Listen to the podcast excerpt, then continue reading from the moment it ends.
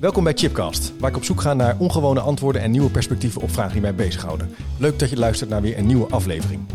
Deze podcast is onderdeel van een drieluikserie waarin we het gaan hebben over veiligheid in de klas. En hoe je omgaat met intolerant gedrag en breder gezien de grootstedelijke context van lesgeven. Deze podcast maak ik op uitnodiging van de gemeente Rotterdam. En ik ben dan natuurlijk ook in Rotterdam en wel op de Hogeschool Rotterdam. Op de zesde etage, om het even heel specifiek te maken. En in de eerste aflevering staat een recent onderzoek centraal naar intolerant gedrag in de klas. Er is namelijk eerder dit jaar een enquête uitgezet onder 100 leraren in het PO tot en met MBO-onderwijs in Rotterdam. En uit deze enquête blijkt dat een groot deel van de leraren een keer te maken heeft gehad met intolerant gedrag. En we willen daarom verder ingaan op wat leraren daaronder verstaan en hoe je docenten daarbij kunt helpen om ermee om te gaan. En ook gaf gemiddeld 67% aan ondersteuning te kunnen gebruiken bij het omgaan met intolerant gedrag. Maar ja, dan is de vraag van ja, wat zou dan kunnen helpen? Wat moet je dan doen? Wat moet je kunnen? Wat moet je kennen? En hoe pak je dat, dit soort problemen dan aan in de klas? En hoe kan je de school zien als veilige oefenplaats hiervoor? Nou, en dat gesprek ga ik voeren met twee gasten. Als eerste Diana Roosendaal. Heeft ruim 23 jaar onderwijservaring op wel 30 verschillende scholen. Ze werkte als docent, als invalkracht, onderwijscoach, schoolleider, bestuurder, onderwijsadviseur, sectieleider, nou ja, mentor, assessor. Heel veel rollen. En momenteel ben je als uh, docent Nederlands verbonden aan het Libanon Lyceum in Rotterdam. Leuk dat je er bent. Dankjewel. En Cecilia Mojano Adriaanse, werkzaam op het Albeda College. Als adviseur ter bevordering van studiesucces en ze is ook jongerencoach. Binnen het college Sociaal en Pedagogisch Werk. Ze richt zich momenteel op de ontwikkeling en uitvoering van meerdere projecten op het gebied van peercoaching. En zet interventies in zoals huiswerkklassen gericht op lage letterdheid en taalachterstanden. En ook coacht ze studenten op individueel en groepsniveau. Nou, je doet nog veel meer. Je bent heel actief in Rotterdam en in de omgeving. Je bent ook muzikant bijvoorbeeld. Nou ja, misschien gaat het er nog over hebben. je drumt onder andere. Uh, maar we gaan het dus hebben over ja, toch even dat punt van intolerant gedrag. Uh, ja, iedereen is wel eens stout geweest in de klas. Uh, maar er is blijkbaar een bepaalde moment dat, dat je dat intolerant gedrag gaat noemen, Diana. Of dat er iets is waarvan je zegt, ja, dat vind ik als leerkracht of docent problematisch. Ja. Kunnen we daar iets, hoe kijk je daarnaar? Wanneer hebben we daarmee te maken? Nou ja, die grens ligt ligt bij iedereen op een ander punt. Bij mij uh, heel ver. Maar uh, ja? ja? als een leerling mij respectloos aanspreekt, dan is daar de grens eigenlijk al. Ja. Gebeurt niet zo vaak, maar uh, als het gebeurt, is dat de grens. Ja. En, en is dat dan, kan je daar een voorbeeld van geven? Hoe zou dat dan gaan? Nou ja, ik heb één voorbeeld uit mijn carrière. ik weet niet of ik dat soort woorden mag gebruiken. letterlijk wat het meisje zei. Ik kan altijd nog piepen, maar ja. U bent een vuile kankerracist. Oh ja, ja. Ja, ja dat was mijn ultieme intolerante gedrag, uh, het intolerantste gedrag ooit. Ja. Maar dat is een voorbeeld. Maar je schrikt er natuurlijk ook van. Ik, ik, herinner mezelf toen ik voor de klas stond, ik heb ook wel eens wat meegemaakt dat iemand heel brutaal was. Ik vond het ook wel echt wel best wel spannend. Nou ja, ik, uh, natuurlijk schrik ik. Uh, blijkbaar kende die leerling mij niet goed genoeg, want anders had ze zoiets nooit tegen mij gezegd. Maar het, uh, de klas werd er wel stil van en iedereen wist, oké, dat had ze misschien niet moeten zeggen. Ja, ja. Dus dan, dan is er een soort grens bereikt. En dan moet je dus, uh, Cecile, uh, ja, interveneren. Kan. Kan, ja. dat, dat, dat, is wel handig om te doen, ja, maar het hangt er ook vanaf wat de context is, hè, denk ik. Ja. Dan moet ik wel zeggen van, hetgene wat dat meisje hebt gezegd gaat natuurlijk veel te ver. Het is zwaar out ja. of context. Maar ik denk dat je altijd moet kijken naar wat zit er nou achter. Dat doe ik in ieder geval altijd. En dan moet ik wel zeggen dat je als coach in het onderwijs een andere rol hebt. Een andere positie dan als docent. En ook binnen het schoolklimaat. Um, dus vanuit mijn functie als coach zou ik gelijk denken... Goh, wat zou hier nou achter zitten? Wat maakt nu dat jij zo'n opmerking maakt? Ja. Ja, en daar op basis daarvan zou ik gaan interveneren. Um, maar ik zou wel met de docent in gesprek gaan met Diana. Als ik met Diana zou werken van wat is er nou gebeurd? Hoe zit jij erin? En wat wil je dat ik hier nu aan ga doen? En wat ga je er zelf, denk je, aan doen? Ja. Kunnen we, kan je je microfoon iets uh, draaien, uh, een kartslag draaien naar mij? Ja, dan staat het, want dan moet je af en toe je hoofd... Uh, ja, laten we eens proberen, ja. ja. dat knippen we gewoon weg hoor, dat hoor je okay. helemaal niet. maar en, en, het, en dat even, even terugkomen naar het onderzoek. Dus ja. er is een grote groep docenten hier in deze stad... die dus ja, blijkbaar ervaart dat dat, dat, dat soms over de schreef gaat. Dat er iets ja. gebeurt... Is dat meer, heb je het idee dat dit meer aan het gebeuren is? Um, ik denk dat het afhankelijk is uh, in welke wijk, in welke, op welke school je lesgeeft. Van hoe vaak het gebeurt en of het meer of minder gebeurt. Um, en ik denk ook dat het te maken heeft met eh, hoe jij intolerant gedrag ervaart. En wat is überhaupt, wat is het? Wat, wat houdt de term in volgens het onderzoek? Daar ben ik wel benieuwd naar. Ja, ja. Want wat zeggen de docenten, wat, wat, wat, wat zeggen ze in het onderzoek? Dat het Nou ja, onder andere inderdaad grensoverschrijdend gedrag. Hè? Dus, ja, maar wat eh, is grensoverschrijdend? ja, Zij keken ze allemaal ja. vragen die ik kon stellen. Dat is vervelend. Ja, dat is lastig. Ja, maar zijn ik zou bijvoorbeeld, wat, net, wat, wat Diana net vertelde, dat iemand mij zou uitschelden. Dat zou ik niet prettig vinden in een klas. Dan zou Nee. ik zeggen, nou, dat gaat over een grens heen van wat we met elkaar afspreken als normaal gedrag. Ja, absoluut. Maar Ja. dan krijg je natuurlijk het punt dat je die leerling of student bij wilt sturen. Of dat je dan toch wil aanraken of wil raken van... hé, hey, wat is nou eigenlijk goed of niet goed? Wat heb jij gedaan toen, Diana? Ja. vragen mag. Ehm, met die leerling in gesprek. Nou ja, allereerst werd zij ook wel op school verwacht met haar vader. En tot die tijd Ja. geschorst vanuit de schoolleiding, gelukkig. Maar ja, met haar in gesprek gaan, volgens mij is dat namelijk de kracht, het geheim. Eh, verder heb ik eerlijk gezegd nooit intolerant gedrag meer meegemaakt. Oké, Want ik ga altijd met leerlingen in gesprek, Ja. zoals jij ook zegt. Ja. En eh, ja, dat is het geheim, zei je al dat al is even. denk ik het geheim, ja. En doen we dat dan te weinig met, met, met leerlingen Absoluut. praten? Absoluut. Ja? Ja. ja? Absoluut. Ja, want de leerlingen worden eigenlijk direct gewezen op hetgene wat ze dan fout doen. Ik doe het tussen aanhalingstekens. Watgene wat ze niet goed doen volgens de schoolleiding of volgens de docent of volgens het team. Ja. En dan is het, dit, nou, die dit en dit gedaan, dat is niet goed, dit is de consequentie. Ja. Maar waarom, zegt hij? Wat zeg ik? Wat maakt nu dat, je, dat iemand zich zo gedraagt, dat iemand zoiets zegt? Wat past er eigenlijk binnen de context? Wat is de context van een student? Wat is een student gewend vanuit thuis of vanuit de buurt waar hij opgroeit? hè? Waar hij zelf vandaan komt. Er zijn zoveel, zoveel zaken die meespelen. Ja. En op het moment dat je student gaat wijzen op, nou, je hebt het niet goed gedaan, Klaar. Dat werkt niet. De- kracht zit echt in het, in het gesprek, inderdaad. En het is inderdaad geheim, want niemand. Niemand. Blijkbaar is het een geheim, want het gebeurt niet zo vaak. Nee, dus de docenten die in staat zijn dit aan te pakken, die kunnen dat gesprek voeren met leerlingen, met jongeren. In dat, maar dit gebeurt ook in een klas, in het moment dat je dus wel ook nog twintig andere kinderen eh, erbij hebt. Dus dat is ook nog wel een, een, lastige kwestie. Jawel, maar eh, die leerlingen zien die we wachten natuurlijk in spanning af hoe je reageert. En eh, die hebben vaak wel respect voor je. Nou, het ligt natuurlijk aan hoe je reageert. Maar ehm, ja. Ja. je kan natuurlijk ook even stopzetten en eh, dat gesprek op een ander moment eh, verder gaan. En Ja. niet, dan ga je niet met die dertig anderen erbij doen. Nee.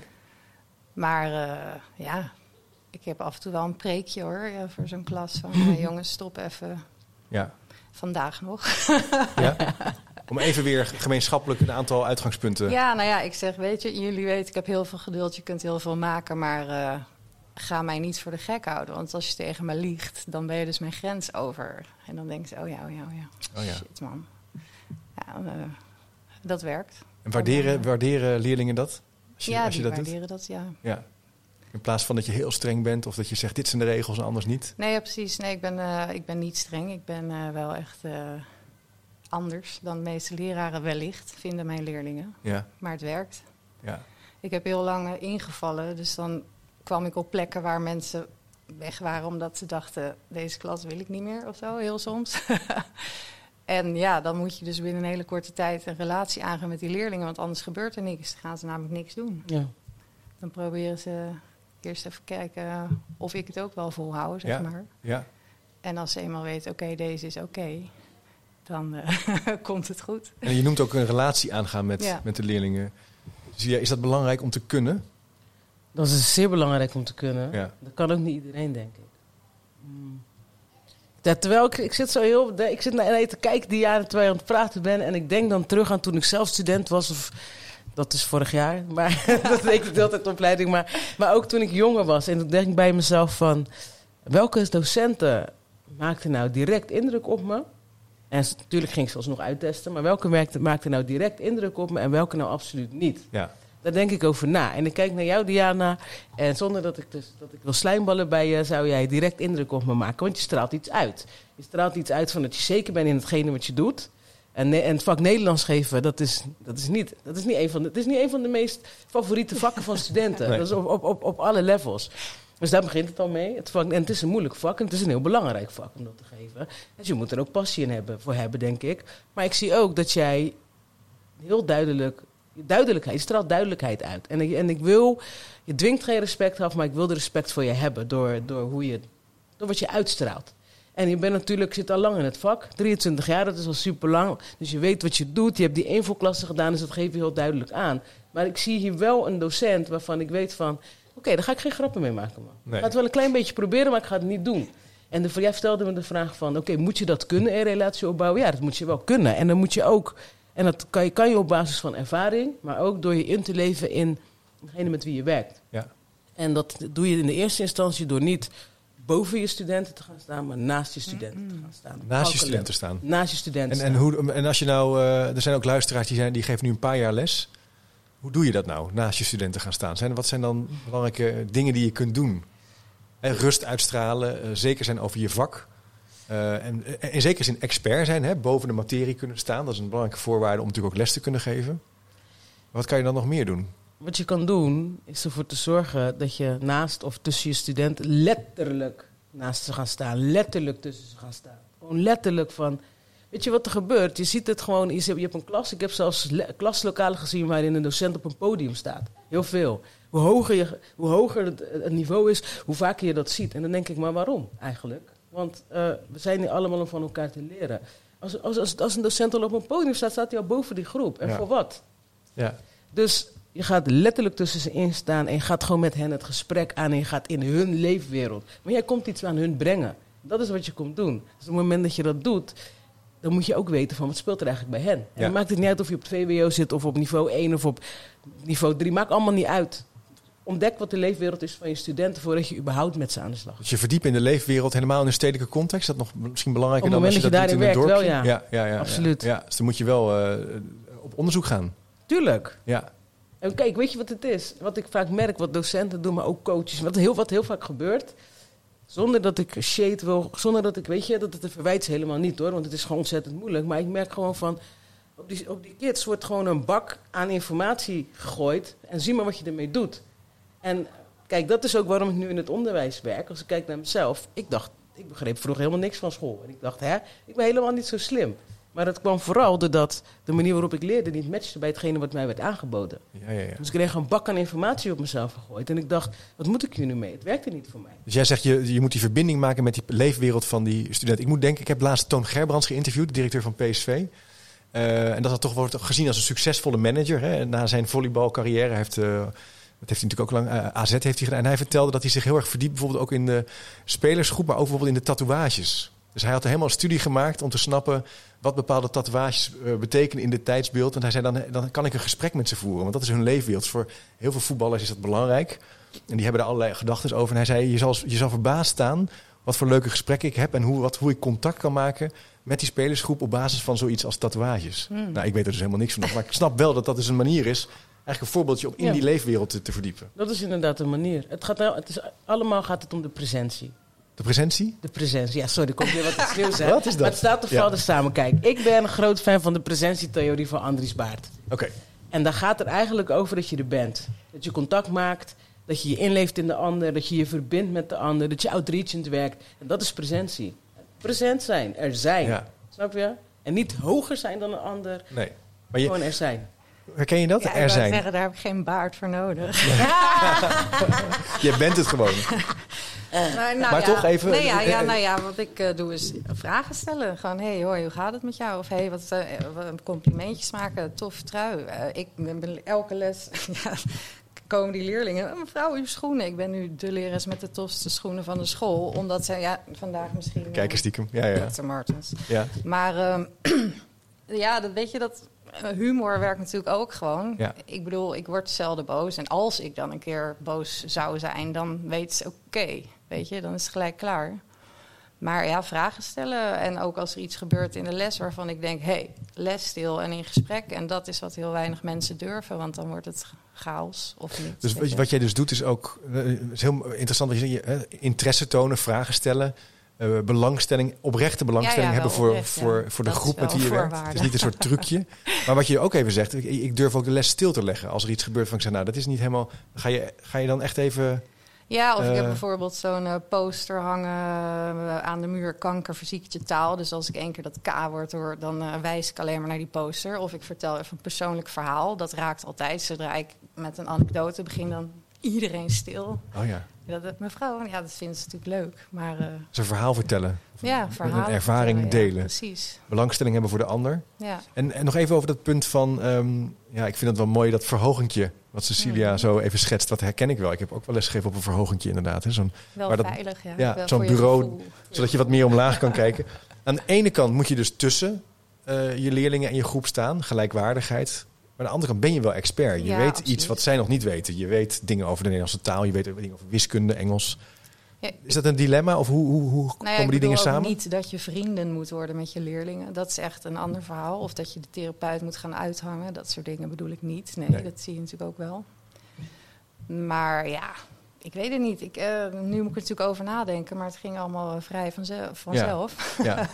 En je wil die kennis overdragen waarschijnlijk. Ja. Je hebt ook eh, ja, leerdoelen, activiteiten, een hoofdstuk wat je wil bespreken.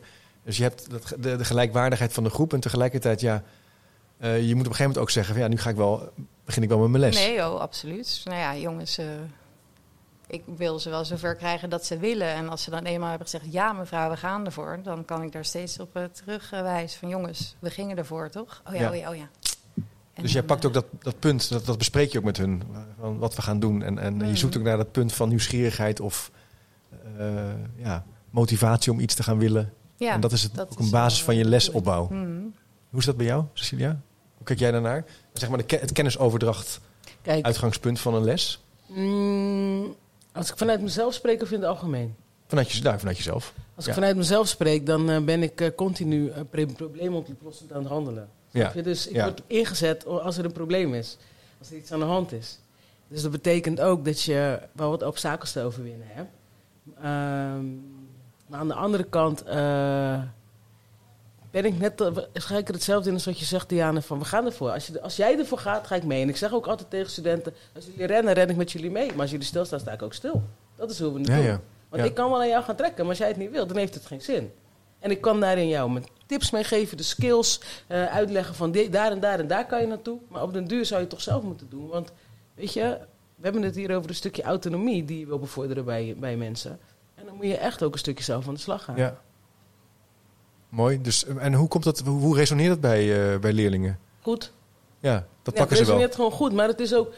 Duidelijkheid is de key, hè? Duidelijkheid Weet je, is de je wil, graag, je wil graag mee soms met die student. En de fout die je kan maken is dat je te vriendelijk met ze bent. Ja. Of dat je te gezellig met ze bent. Of dat je te veel in de ondersteuning gaat zitten. Het gaat heel duidelijk om, je, dit is een doel wat je wil bereiken. Welk Ja. doel wil jij bereiken? Ja. Is goed, let's go. Dan gaan we er samen in. En dan moet je heel duidelijk de kaders inleggen van... dit en dit en dit is belangrijk. En dat zijn voor mij een aantal normen en een aantal waarden... die voor mij heel belangrijk zijn. Dus dat je eerlijk met me bent. Dat je me een beetje met respect behandelt, zou ik ook wel tof vinden. Eh, dat krijg je ook terug van mij. Ja. Ehm, en daarin mag je heus wel eh, uit de band schieten hoor. Ik bedoel, je mag heus wel boos worden en je mag heus wel schelden. Liever dat je het bij mij doet dan dat je, in de klas, dat je het in de klas doet, zeg maar. Eh, maar tot een bepaald punt. En daarin ga je gewoon bewegen. En dan gaan we gewoon met die trein gaan. En dan, Ja. het is jouw trein, jij bepaalt. Mooi. Ja. En eh, je hoort ook wel eens mensen die zeggen... ja, maar die, die, die wereld, die, die, die stad en die straat... die is zo hard geworden en zo scherp geworden... dat komt allemaal die klas in. Klopt. Eh, ja, maar je wil, dus je wil aan de ene kant ook dat begrenzen. Aan de andere kant is het ook een startpunt waar je mee te maken hebt. Eh, hoe kijken jullie daar tegenaan? Nou ja, het is inderdaad wel goed om je daar enigszins in te verdiepen. Want leerlingen, ja, het is- die schrikken soms. En ik, hè, hoe weet u dat dan? Maar ik denk dat ik meer weet dan de gemiddelde leerling over de straatcultuur en Ja, of ja. eh, de taal. dus daar kun je ze mee eh, verbazen soms. ben ook een echte Rotterdammer. Ja, zeker. Ja, ja, ja. Maar je hebt ook echt interesse erin. Je wil ook weten wat er, hoe dat zit. Wat ja, er, ik ja, heb ja. toevallig ook een zoon in die leeftijd. Maar goed, eh, dat houdt een die keer op natuurlijk, want dan is hij ouder. Maar eh, ja, eh, kijk om je heen en eh, interesseer je in eh, waar ze zich mee bezighouden. En natuurlijk moet je ook iedereen anders benaderen hoor. Ik heb ook van die eh, gast in 6 VWO op het Libanon... die vrij weinig kansen hadden om nog te slagen een paar maanden geleden. Ga je met zo'n jongen even een rondje wandelen en zeg... hé, hey, gast, ga nou gewoon werken. Dat is het enige wat ik heb gezegd. En het is gelukt, weet je wel. Maar dat, dat, dat werkt natuurlijk niet voor iedereen zo simpel. Nee. Maar dat is wel... Ja, ik geloof in jou. Als ja. iedereen zegt uh, dat gaat niet meer lukken. Ik geloof in jou. Als jij dat ook gelooft, dan ga je dat toch gewoon doen. Ja, ja, ja, mevrouw. En dan komen ze nu ultra dankbaar naar me toe. Van mevrouw, bedankt. Ik heb, jij hebt het gedaan hoor. Ik heb alleen maar gezegd, ga werken. Maar dat betekent ook wel dat je echt de aandacht hebben voor leerlingen. eh, de tijd voor nemen, ook snappen hoe ze in elkaar zitten. Ja, Eh, maar ook je advies durven te geven op basis van wat je ziet. Dat dat een, ontzettend belangrijke manier is om ook nou ja, eh, leerlingen te ondersteunen. En dus daarmee ook intolerant gedrag tegen te gaan.